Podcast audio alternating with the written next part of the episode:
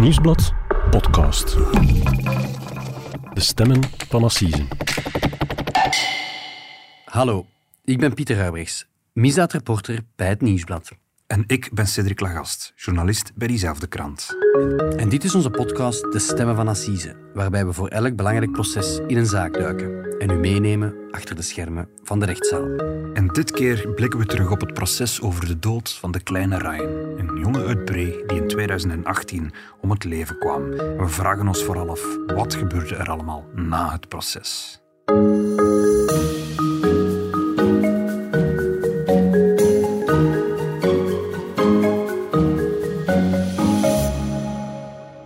Dagelijks leven dan nog heel veel dingen die triggeren. Ja, precies. Ja. Ik ga maar iets zeggen, moedertjesdag, een verjaardag van eender wie van de familie. Dan hadden ze zoiets van, oh, moeten we dat vieren? Ja, eigenlijk wel voor de andere kinderen, maar wij zelf, die dag misde iemand. Dat is, Ja. ja, dat, dat krijg je niet uitgelegd. En sommige dagen ouder dan een ander. Vadertjesdag, moedertjesdag, kerstmis zal voor mij nooit meer hetzelfde zijn. Mensen denken over het is voorbij. Nee, het is niet voorbij. Dat is Dag Cedric. Dag Pieter. Cedric, eh, vrijdag, we zitten hier opnieuw op uh, Linkeroever. Tijd Klopt. voor een eh, nieuwe aflevering van De Stemmen van Assise. Ja. Doorgaans hebben we het over een actuele rechtszaak. Hè. Onze collega Mark Kliefman bijvoorbeeld hè, spendeerde de hele week in West-Vlaanderen voor het proces van eh, Tom Spier, Assiseproces West-Vlaanderen. Ja. Maar wij gaan eh, het over een andere boeg gooien en we gaan het hebben over een Assiseproces van enkele jaren terug. Ja, een, een proces waar we eigenlijk al eens een podcast over gemaakt hebben. Het gaat over het assiseproces over de dood van de kleine Ryan. Dat was een proces uit november 2021. Dat was een zesjarig jongetje uit Bree dat door zijn moeder om het leven is gebracht. Bij de start van het proces hebben we daar dus al een podcast over gemaakt. Voor de luisteraars, dat was aflevering 43, eh, de moord op de kleine Ryan. Maar vandaag blikken we terug met Stefan, de papa van Ryan, op dat proces. Mhm. Je bent deze week eh, Stefan thuis gaan interviewen. Hè. We hoorden net al een, eh, een kort fragment ter inleiding. Ja. Waarom heb je dat gedaan? Wel, eh, om, omdat ik eigenlijk een beetje tot de vaststelling kwam dat we het hier in deze podcast heel vaak hebben over komende processen, over lopende processen. We maken dan een vooruitblik. Daarin vertellen we dan hoe het onderzoek gelopen is of wat de dader riskeert. En, en soms blikken we ook kort daarna nog eens terug op een proces. Dan hebben we het vooral ehm, over het arrest, over de straf. Maar daarna valt het doek daarover en, en lijkt alles eigenlijk voorbij. En, en, en Stefan heeft me eigenlijk doen inzien dat het voor de nabestaanden op dat moment eigenlijk nog helemaal niet voorbij is. Uh, in, integendeel. En daarom wilde ik graag met hem eens terugblikken op dat proces en vooral hoe het daarna nog met hem en met zijn familie vergaan is. Mhm. Maar als ik het goed begrijp, Cedric, jij hebt niet alleen met Stefan gesproken deze week. Nee, want als je wil weten hoe zijn leven daarna verlopen is, wat hem allemaal overkomen is, ehm, daar heeft Vivian een heel grote invloed op gehad. En Vivian, dat is zijn nieuwe partner, zijn nieuwe vriendin. Maar ze is ook de mama van Daan. En dat is ook een kindje dat gestorven is. Vermoord, ook door toedoen van haar toenmalige partner. Oké, lotgenoten dus en, en intussen een koppel, eh, begrijp ik. En zij heeft net hetzelfde meegemaakt als Stefan. Ze heeft eigenlijk exact hetzelfde meegemaakt als Stefan. Eh, misschien daarom ook dat ze een nieuw koppel zijn, want ze hebben elkaar ook leren kennen in de rechtszaal. Cedric, voor we gaan inzoomen op het gesprek tussen u en de vader eh, van Ryan, is het goed misschien om de zaak nog eens te recapituleren. Hè? Ik herinner mij dat het over een gerechtelijk onderzoek naar een familiaal drama ging. Eh Cedric, een moeder die haar zoontje om het leven had gebracht in Bree, dacht ik. Ja, juist. En die, die mama heette Tamara Nuits. En het gebeurde allemaal op, op tweede kerstdag, 26 december 2018. Dat is ondertussen al meer dan vier jaar geleden. En Ryan is gestorven eh, bij hem thuis. En zijn ouders, Stefan en, en Tamara Nuits, die waren al even uit elkaar, maar er was nog altijd contact. En ze hadden bijvoorbeeld samen kerstavond gevierd dan. En daarna was Ryan bij zijn mama gebleven. Het was haar week. En zij heeft dan later bekend dat ze eigenlijk die dag dat zij hem gedood heeft. En ze zou daarna zelfmoord hebben proberen plegen. Maar dat is niet doorgegaan. En is het de vader die trauma ontdekt heeft? Ja, effectief. De, de mama van Tamara Nuits die voelde dat er iets niet klopte, omdat Tamara haar, gsm niet opnam. Dat was heel uitzonderlijk, want ze, ze kleefde aan haar gsm, heeft, heeft uw moeder later verklaard. En dus ehm, vroeg ze aan Stefan eh, om polshoogte te gaan nemen. En het is eigenlijk zo dat hij heel trauma ontdekt heeft. En hij heeft mij ook verteld hoe die tweede kerstdag dan verlopen is. En toen ben ik naar daar gereden en toen zag ik er een auto staan. Ik heb voor gebeld, geen gehoor. Ik heb, uh, ben ik achterom gegaan. Ik zag lichtbrand in de badkamer, maar alles was donker. Ben ik terug naar voren gegaan. Heb ik aangebeld bij de buren kijk, ik kom hier en ik ben ongerust. Uh, ik wil komen checken of alles in orde is. Er is de buurman ja, met me meegegaan. En toen die zei, ik zeg, bel de conciërge dat hij de voordeur open, open, kunt, open kunt doen. Dan kan ik binnen. Maar hij zegt, dat doe ik allemaal niet. Dus daar heb ik niet op gewacht. Ik ben terug achterom gegaan, want ik had in, intuïtief had ik zo'n gevoel van, er is iets Mis. ernstigs aan de hand. En toen heb ik de schuildeur opengebroken en zo ben ik er weer uitgekomen. Dus Ryan lag met zijn hoofdje in bad en zij lag evenwijdig met het bad. Mijn eerste reactie was dan, ja, Ryan het bad nemen. En ik dacht, het is pas gebeurd. Beginnen te reanimeren. Ja. Intuïtief wist ik toen ook al met Ryan, want dit is gedaan. Toen ben ik naar huis geweest. Dan heb ik haar ook nog gereanimeerd. Dan heb ik, ja, tot ze polslag had en zo, dat heb ik allemaal gecheckt toen ik daar wist van, van zijn leven, ben ik tot, dat, uh, tot de hulpdiensten zijn gearriveerd met Ryan bezig gebleven. En dan ja, ben ik terug naar buiten geleid. Van daaruit naar het politiekantoor in Bree. En daar hebben ze mij de hele nacht ondervraagd. Tot s morgens toe, half vijf. Dan hebben ze een huiszoeking gedaan. Bij mij thuis. En vanaf toen wist ik pas van, ik ben ook verdacht. Wordt, ja, dus, ja, je wordt dus dat had ik toen allemaal niet door, maar toen nee, ook zoiets van, ja, dat onderzoeken ze natuurlijk allemaal. Ja. ja. En ik heb ergens gelezen dat je nog heel lang gedacht hebt dat het een accident was. Ja, ja, tuurlijk. Om de manier dat ik ze vond. Ik zeg, dat, dat kan niet. Er moet iets gebeurd zijn, of er moet iemand binnen zijn gebroken die dat heeft. Die, dat, dat, dat, kan, dat kon bij mij gewoon nog niet. Het kwam niet bij u op? Nee, dat zij dat nee, gedaan nee, natuurlijk niet. Want ja, het was, het was kerst, de tweede kerstdag. Kerstavond hebben we samen nog doorgebracht. Dus uh, ik had niet de indruk dat ze tot zoiets in staat zouden zijn op dat moment zelf. Nee. Dus ze laten mij ook volledig in het ongewisse. Dat, heeft een half jaar geduurd. Hè, voordat ik wist wat er aan de hand was. Want tijdens het onderzoek wordt er helemaal niks verteld. En pas na een half jaar, als hij een reconstructie door het gerecht van het drama mag bijwonen, dan begrijpt vader Stefan wat er echt gebeurd is. Het, het was geen ongeluk. En hij had dat niet zien aankomen, want twee dagen eerder nog had hij met Ryan en met zijn ex kerstmis gevierd. En toen had hij niks opgemerkt. Ze heeft me gebeld van mag Ryan een dag langer bij u blijven, want ik, ik voel me ziek. Dan heb ik gezegd, ja dat is goed. Breng het morgen maar, zegt ze. Dan vieren we samen nog hè. Ik zeg, dat is goed, dan zal ik soep maken. Want je zit ziek, zeg je moet niks speciaals doen, we gaan gewoon soep eten een hapje erbij en, we spoelen, ja, monopolie. Ja. Wat, Ryan altijd geeft. En dat we ook gedaan. En toen is Ryan naar bed gegaan, ik ben een uur later ben ik naar huis gegaan. En dat is de laatste keer dat ik Ryan gezien heb.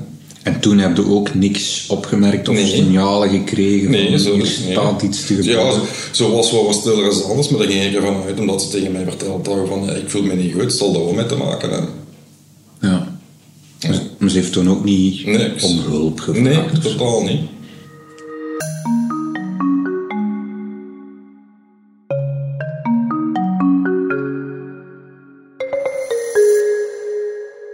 Eh, dat is een heftig relaas van wat er die dag gebeurd mhm. is. Meer dan drie jaar later is dan het assiseproces in Limburg van start gegaan. Dat is gestart op 19 november 2021. Onze krant heeft dat proces ook uitgebreid gevolgd. Ehm, maar hoe heeft die vader dat proces precies beleefd? Dat was wat ik wilde weten natuurlijk. En, en vader Stefan heeft me verteld dat hij pas in juni te horen heeft gekregen dat het assiseproces in november zou starten. Hij zat daar toen al een tijdje op te wachten natuurlijk. Wanneer gaat dat proces nu starten? Ehm, en als hij dat bericht krijgt, um, heeft hij eigenlijk drie maanden lang um, naar de start van dat proces toegeleefd. Hij heeft, zich daar helemaal op voorbereid. Heeft dat strafdossier bestudeerd. Hij heeft alles uitgepluist. Eigenlijk zijn hele leven, alles stond in het teken uh, van dat proces. En had eigenlijk één grote vraag. Waarom heeft mijn ex-vriendin onze zoon gedood? Dat was de vraag waarmee dat hij naar dat proces trok. Want ik kon dat niet begrijpen. Hè. Ook al omdat ze eerst nog samen kerstavond gevierd hadden. Dus... Um, en ja, zo'n proces dat begint dan met de ondervraging van de beschuldigde. En hij hoopte vooral daar antwoorden te krijgen. Dat was de eerste keer na vier jaar dat ze uh, het woord zou krijgen, dat, mhm. dat, hij haar zou horen. Um, maar dat werd één grote teleurstelling. Ja, we weten nog van de eerste dag. De eerste dag is meestal ook heel zwaar. En Ik heb het eigenlijk goed op mij afgesloten komen. Omdat dan ook de beschuldigde ja, zelf dan... dat kwam eigenlijk weinig uit voor, voor, wat ik verwacht had, zal ik het zo zeggen. Want het is lang ondervraagd, denk ik. Dus, ja, was lang. Wel toch op twee, drie uur, denk ik. Ja, maar ik vond ze heel vriendelijk, zo gezegd, naar haar toe. Ik heb alle precies het proces gevolgd dat ze ja, veel harder waren. Ja. Zij zei ook heel veel van, ik kan me niet meer herinneren, of ik weet het niet meer. dat waren eigenlijk de vragen waar ik eigenlijk een antwoord op verwacht had tijdens het proces. En die, die vragen zijn er eigenlijk ook nooit gekomen. Ik, ik denk dat hij vooral wou weten waarom dat het gebeurt. En dat is nog altijd niet gekomen. Nee. Ik weet het nog altijd niet. Ze heeft zo ergens, als ik, als ik het nog weet, heeft ze zoiets gezegd dat er die ochtend iets over haar gekomen is. Dat ze, ja, ik kan op het moment zeggen, maar dat, dat geloof ik dus ook niet. Heel raar. Nee. Waarom zeg ik dat? Ja, dat is, ze is er al een paar dagen mee bezig geweest, zegt ze. BRI. Dan moet mij toch ook eens een moment zijn dat je zegt van ik ben dit en toen, wat ben ik en toen? Stop. Of ik, ik, bel iemand op voor hulp. Dat is allemaal niet gebeurd. Tamara Nuits heeft op haar proces eigenlijk verteld dat ze zelf uit het leven wilde stappen en dat die ochtend eigenlijk in een opwelling bij haar is opgekomen dat ze haar zoontje wilde meenemen omdat er niemand was die voor hem kon zorgen. Maar daar heeft vader Stefan heel veel vragen bij. Ik heb verschillende processen gevolgd en wat mij opviel was, die beklaagden in die andere processen, die kwamen altijd binnen, die keken naar de grond en die hadden een soort van schaamte over zich. Ze had ze totaal niks, ze zocht contact met en ze keek je recht in de ogen aan. Echt zo arrogant. Dus je werd teleurgesteld na die eerste dag dat er geen uitleg gekomen was, dat ze het niet wou uitleggen. Ja, wat ik al verwacht had. De vragen waar ik antwoord op had willen hebben, dan reageerde ze van ik kan het me niet herinneren, ik weet het niet meer. Ze had ook tijdens het proces kunnen doen van het even dit of dat of mm. nee, ze heeft gewacht tot op de laatste dag. En dan komt ze met zo'n brief af. En die heeft ze nog voorgelezen gehad. En ik weet ook wat ze dat gedaan heeft. Dat was niet voor, dat was voor haar eigen goed te praten. Stefan moest uiteindelijk zelf ook op, op het proces getuigen. En dat was voor hem een heel intens moment, zegt hij. Wat weet je nog van uw eigen getuigenis? Dat was de... de eerste drie dagen dat vond ik zelf heel zwaar. Want je moet er gaan zitten en je moet alles aanhoren. En ja, ze, ze maken nu ook zwaar. Hè? Dus het is eigenlijk een proces in het proces. Dat is iets heel raars. Dat ze over u dingen zeggen. Dat ja. ja. Ja, en dat komt dan aan.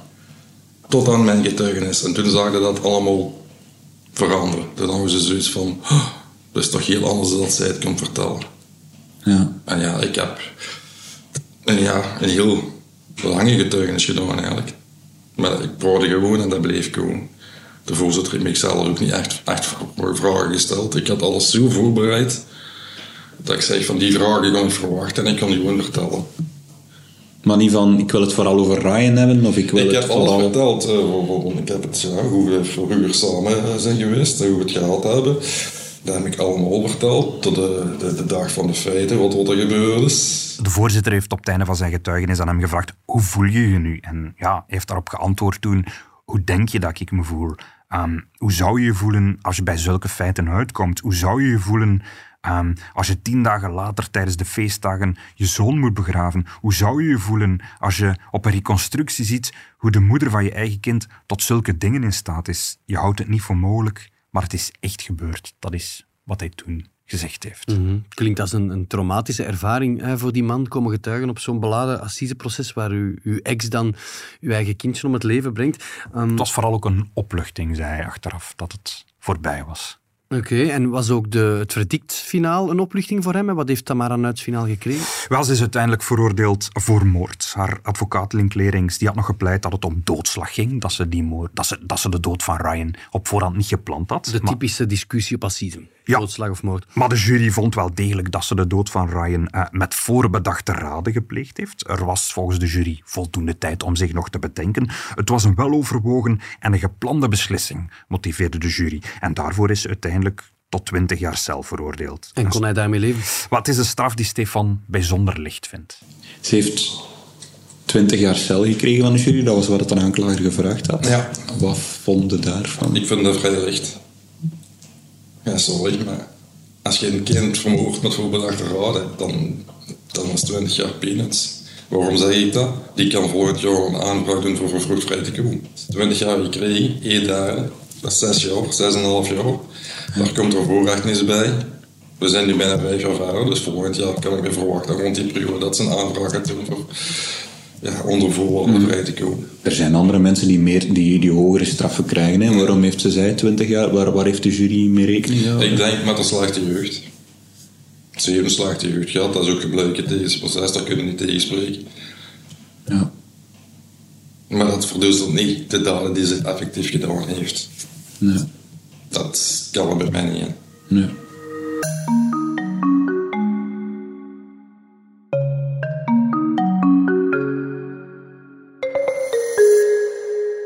Ja, we zeiden het al eens, Cedric, een zwaar slopend proces voor hem. Hè? Uh, horen we de vader ook vertellen.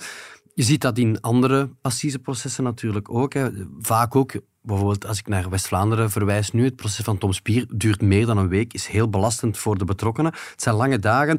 Plus je wordt dan ook nog eens geconfronteerd met, met nieuwe feiten, met nieuwe informatie vaak. Met beelden, met foto's uit het gerechtelijk dossier altijd. Ja, en dan, ja, wij zitten daar natuurlijk als waarnemers, maar het is, het is zoiets ingrijpend, zoiets tastbaar. Het gaat over je persoonlijk leven misschien wel over het aangrijp, meest aangrijpende moment van, van je leven. Ja, absoluut. En, en gelukkig heeft Stefan tijdens dat proces veel steun gekregen van zijn familie, van zijn twee uh, volwassen dochters, maar ook van Vivian. Ja, Vivian kwam eerder in de podcast al kort ter sprake. Ja. Um, zeg nog eens, wie is Vivian? Wel, Vivian is zijn, zijn nieuwe vriendin, die hij uh, toch op een, op een zeer opmerkelijke manier heeft leren kennen, namelijk uh, in de rechtszaal. Um, Vivian heeft eigenlijk net hetzelfde meegemaakt als Stefan. Haar zoontje Um, Daan was een baby van toen nog maar uh, zeven weken. Uh, die is in juli 2018 ook om het leven gebracht door haar partner, door de vader van de baby eigenlijk. De vader heeft de baby eigenlijk heel hard doorheen geschud en, en daaraan is hij gestorven. Mm -hmm. Helaas moeten we daar vaak over schrijven, hè? Chicken baby syndroom. Ja. Waarom schudde hij dat kindje zo hard door elkaar? Wel, zelf heeft hij op zijn proces verklaard dat hij zijn geduld verloor omdat de baby uh, te lang huilde. Maar Vivian denkt dat er meer aan de hand is en dat hij eigenlijk ziekelijk jaloers was op zijn, op zijn eigen zoon. Mm -hmm. Dus een opvallende ontmoetingsplek in de rechtszaal, uh, zeg je? Ja, wel, Stefan heeft daarnet al verteld dat hij zich grondig heeft voorbereid op dat assiseproces. Hij heeft het dossier gelezen, heeft, uh, heeft het bestudeerd eigenlijk en hij heeft ook op voorhand een aantal processen gevolgd. Want, Want dat hoor je wel vaker, hè? Ja, hij is nog nooit eerder met politie of gerecht in, in contact gekomen. Hij wist totaal niet hoe zo'n uh, proces in, in, in, zijn werk ging. En een van de processen die hij gevolgd heeft, ging over de dood van baby Daan in de rechtszaal in de rechtbank van Tongeren. Ik heb het op een bankje gezet, zo weet niet. Achterin, geen, uh, niet in de belangstelling. En daar kwam Vivian aan. Ja, op het proces heb ik geen woord gezegd, gewoon een hand gegeven. Maar je voelde van oké, okay, dat is een vrouw die heeft hetzelfde meegemaakt. En ja, en ik heb toen nog via Messenger op contact gezocht met haar. En toen hebben we al een deur gepraat gehad. Dat is een soort verwerking, denk ik. Mm -hmm. En ja, totdat we zeiden van we gaan een keer een koffie drinken via Messenger, dat zo. Hè? Ja. En toen hebben we, ja, zijn we naar Tongeren geweest, denk ik.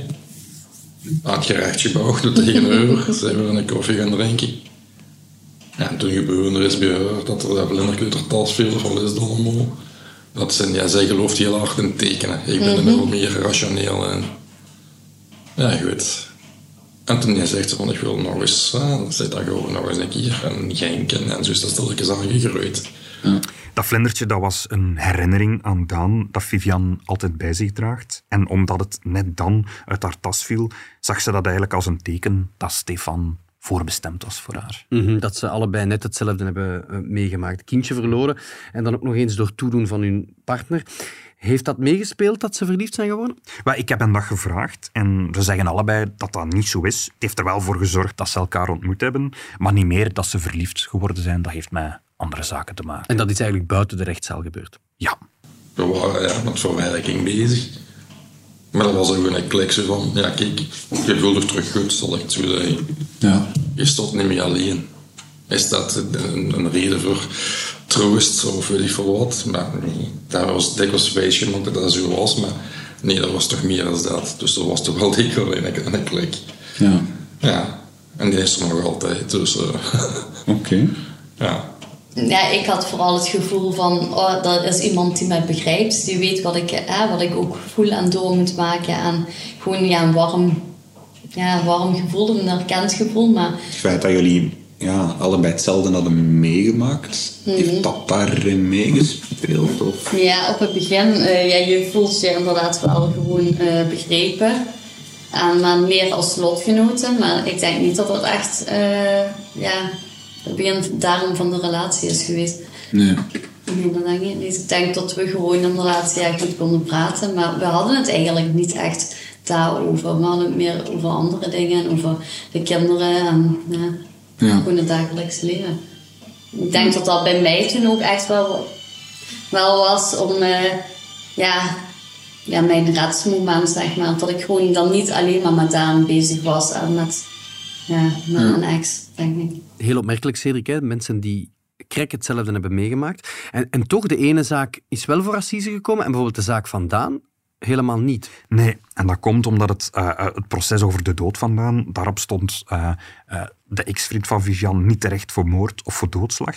Ehm, heeft het kind heel hard doorheen geschud in een maxicosi en, en justitie heeft eigenlijk geoordeeld dat hij terecht moest staan voor het toebrengen van slagen en verwondingen zonder het oogmerk om te doden, maar met de dood tot het gevolg. Nou, Ah, Dus een, een theoretisch een minder zware kwalificatie waarvoor je niet voor een volksjury moet verschijnen. Absoluut, want hoewel dat het resultaat, zeg maar, de dood van het kind eh, ehm, en het leed bij de nabestaanden even groot is, wordt daar toch juridisch een andere kwalificatie op gekleefd. En, en de bestraffing was navenant ook veel lichter. Hij heeft eh, uiteindelijk zes jaar cel gekregen voor de dood van Daan. Je hebt het proces ook van, over, over, van Stefan meegemaakt. Had je dan liever gehad dat dat ook een assiseproces Aan was de ene geweest? kant wel, omdat hij dan natuurlijk langere straf had gehad. En, want hij heeft zelf ook in de gevangenis uitgesproken tegen mij van... Ja, maar Vivian, ik ben geen moordenaar, hè. Want anders had ik assise gekregen. En nu heb ik maar co- correctioneel, dus een moordenaar ben ik niet. Ik zeg, jij wel, in mijn ogen ben je een moordenaar, niet meer en niet minder. Maar anderzijds, En anderzijds het proces zo, inderdaad, met al die foto's en al die dingen van het dossier wat ik nu wel heb gezien vandaan, die had ik niet graag aan de buitenwereld. Dus dat is één, hè, dat emotionele stuk. Ik denk dat het voor mij te emotioneel was geweest dat het allemaal naar buiten was gekomen. De twee wonen nu samen in een huis in Bocholt, samen met hun vier kinderen. En dat zijn de twee dochters van Stefan en de zoon en de dochter van Vivian. Het is een nieuw samengesteld gezin van zes mensen. Maar eigenlijk moet ik acht mensen zeggen, want ik ben bij hen thuis geweest. En Ryan en Daan zijn daar nog altijd heel alomtegenwoordig in dat huis. Er hangen foto's en herinneringen van de twee kinderen. En ze zijn zeker niet vergeten, ze zijn heel aanwezig daar.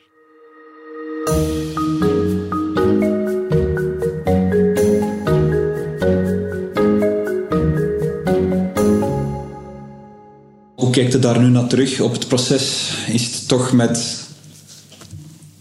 Is het voor u een, ja, hoe Het- zeg je ja, ik dat, het, een loutering geweest? Het, of, just, of- ja, het, het, justitiegebeuren is voor mij afgerond. Al de rest, daar moesten we nog aan beginnen. Het verwerken van Ryan, uh, het rouwproces, daar hebben we toen helemaal geen tijd voor gehad. Want je zit met, met andere dingen bezig. En, en klopt dat, dat het pas dan kunt beginnen rouwen na dat proces? Dat je, hoe moet dat zeggen? Dat doet ieder op zijn eigen manier. Ik, ik ben zo ik verwerk dat graag bij eentje. En daar moeten we er tijd voor maken. En, en in die zin is het proces van geen loutering geweest. Het is niet van dat het buiten kwam met het proces en dat, eh, dat Nee, een totaal steen niet. van uw, Totaal, van uw Nee, nee, totaal niet. borst was gevallen Nee, of nee. zo. Nee. Hadden zoiets van, oké, dit- ja, justitie, de gebeuren is nu afgehandeld. Maar al de rest, ja, dat is nog zwaarder als het proces zelf. Cedric, we willen natuurlijk weten hè, hoe Stefan, maar ook Vivian terugkijken op zo'n slopend assiseproces. Hè, wat dat voor hen betekend heeft, hè, wat dat voor hen gedaan heeft. Nu horen we eens dat, dat slachtoffers eigenlijk heel intens naar zo'n proces toeleven. Hè, Ja. omdat, ze, ja, omdat ze de facto niet aan rouwen kunnen beginnen. Ja, vooraleer dat strafproces achter de rug is, dat komt heel vaak terug. Maar als ik goed naar die vorige fragmenten luister, Cedric, dan, dan heb ik het gevoel dat het voor deze twee mensen niet bepaald een, een loutering is geweest. Dat er wel frustratie en verdriet achter blijft. Ja, dat heeft voor een deel natuurlijk ook te maken natuurlijk met het feit dat ze niet de antwoorden hebben gekregen waar dat ze op gehoopt hadden. Allebei niet eigenlijk, op de beide processen niet. En dat ze de twee straffen die zijn uitgesproken ook allebei eh, bijzonder licht vinden. Ehm, maar daarnaast heb ik ook twee mensen gezien die nog altijd heel veel lijden door wat er gebeurd is, die nog elke dag eigenlijk geconfronteerd worden met die gebeurtenissen van 2018. Mhm, Ook al zijn we intussen vijf jaar verder, dat, dat verdriet is nog altijd tastbaar. Ja, niet alleen het verdriet. Ehm, de kinderen van Vivian bijvoorbeeld, die hebben het bijvoorbeeld nog altijd heel erg moeilijk met wat er met hun broertje gebeurd is. Ze hebben veel zorg nodig, hebben die ouders me verteld. En ehm, daar moeten Stefan en Vivian zelf naar op zoek. Het is niet dat er iemand klaar staat voor hen die, die zich daarmee bezighoudt. En ik, ik vond het bijvoorbeeld ook heel treffend ehm, toen Vivian me vertelde over de foto's die ze heeft vandaan. Die jongen heeft maar zeven weken geleefd en in die tijd heeft ze meer dan 400 foto's genomen. Die ze koestert natuurlijk. Maar op, op veel van die foto's staat vaak ook de vader natuurlijk, de vader van dat kindje. Bril gezinsgeluk op dat En ogenblik. dus ook de dader. En eigenlijk met iemand, iemand aan wie dat ze niet wil herinnerd worden. Iemand met wie dat ze niet wil geconfronteerd worden.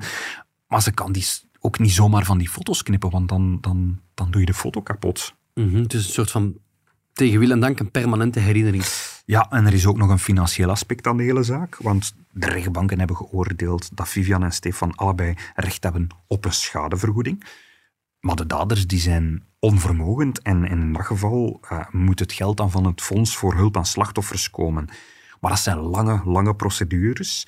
En de ex-vriend van Vivian, die veroordeeld is eh, voor de dood van baby Daan, die is ondertussen al vrij. Hij heeft zes jaar cel gekregen, maar hij is na twee derde van zijn straf vrijgekomen. Maar de schadevergoeding, die is er nog altijd niet. Dat is nog altijd niet uitbetaald. En, en dat zou welkom zijn, eh, want door de hele situatie heeft Vivian schulden opgelopen, zoals bijvoorbeeld een huis aan het afbetalen samen met haar, met haar man, die plots in de gevangenis zat. Er is ook een duur proces geweest waar de verzekeringen niet in zijn tussengekomen. Eh, en die schulden die draagt ze nog altijd met zich mee. Mhm. Ik dacht dat je altijd recht had op een advocaat.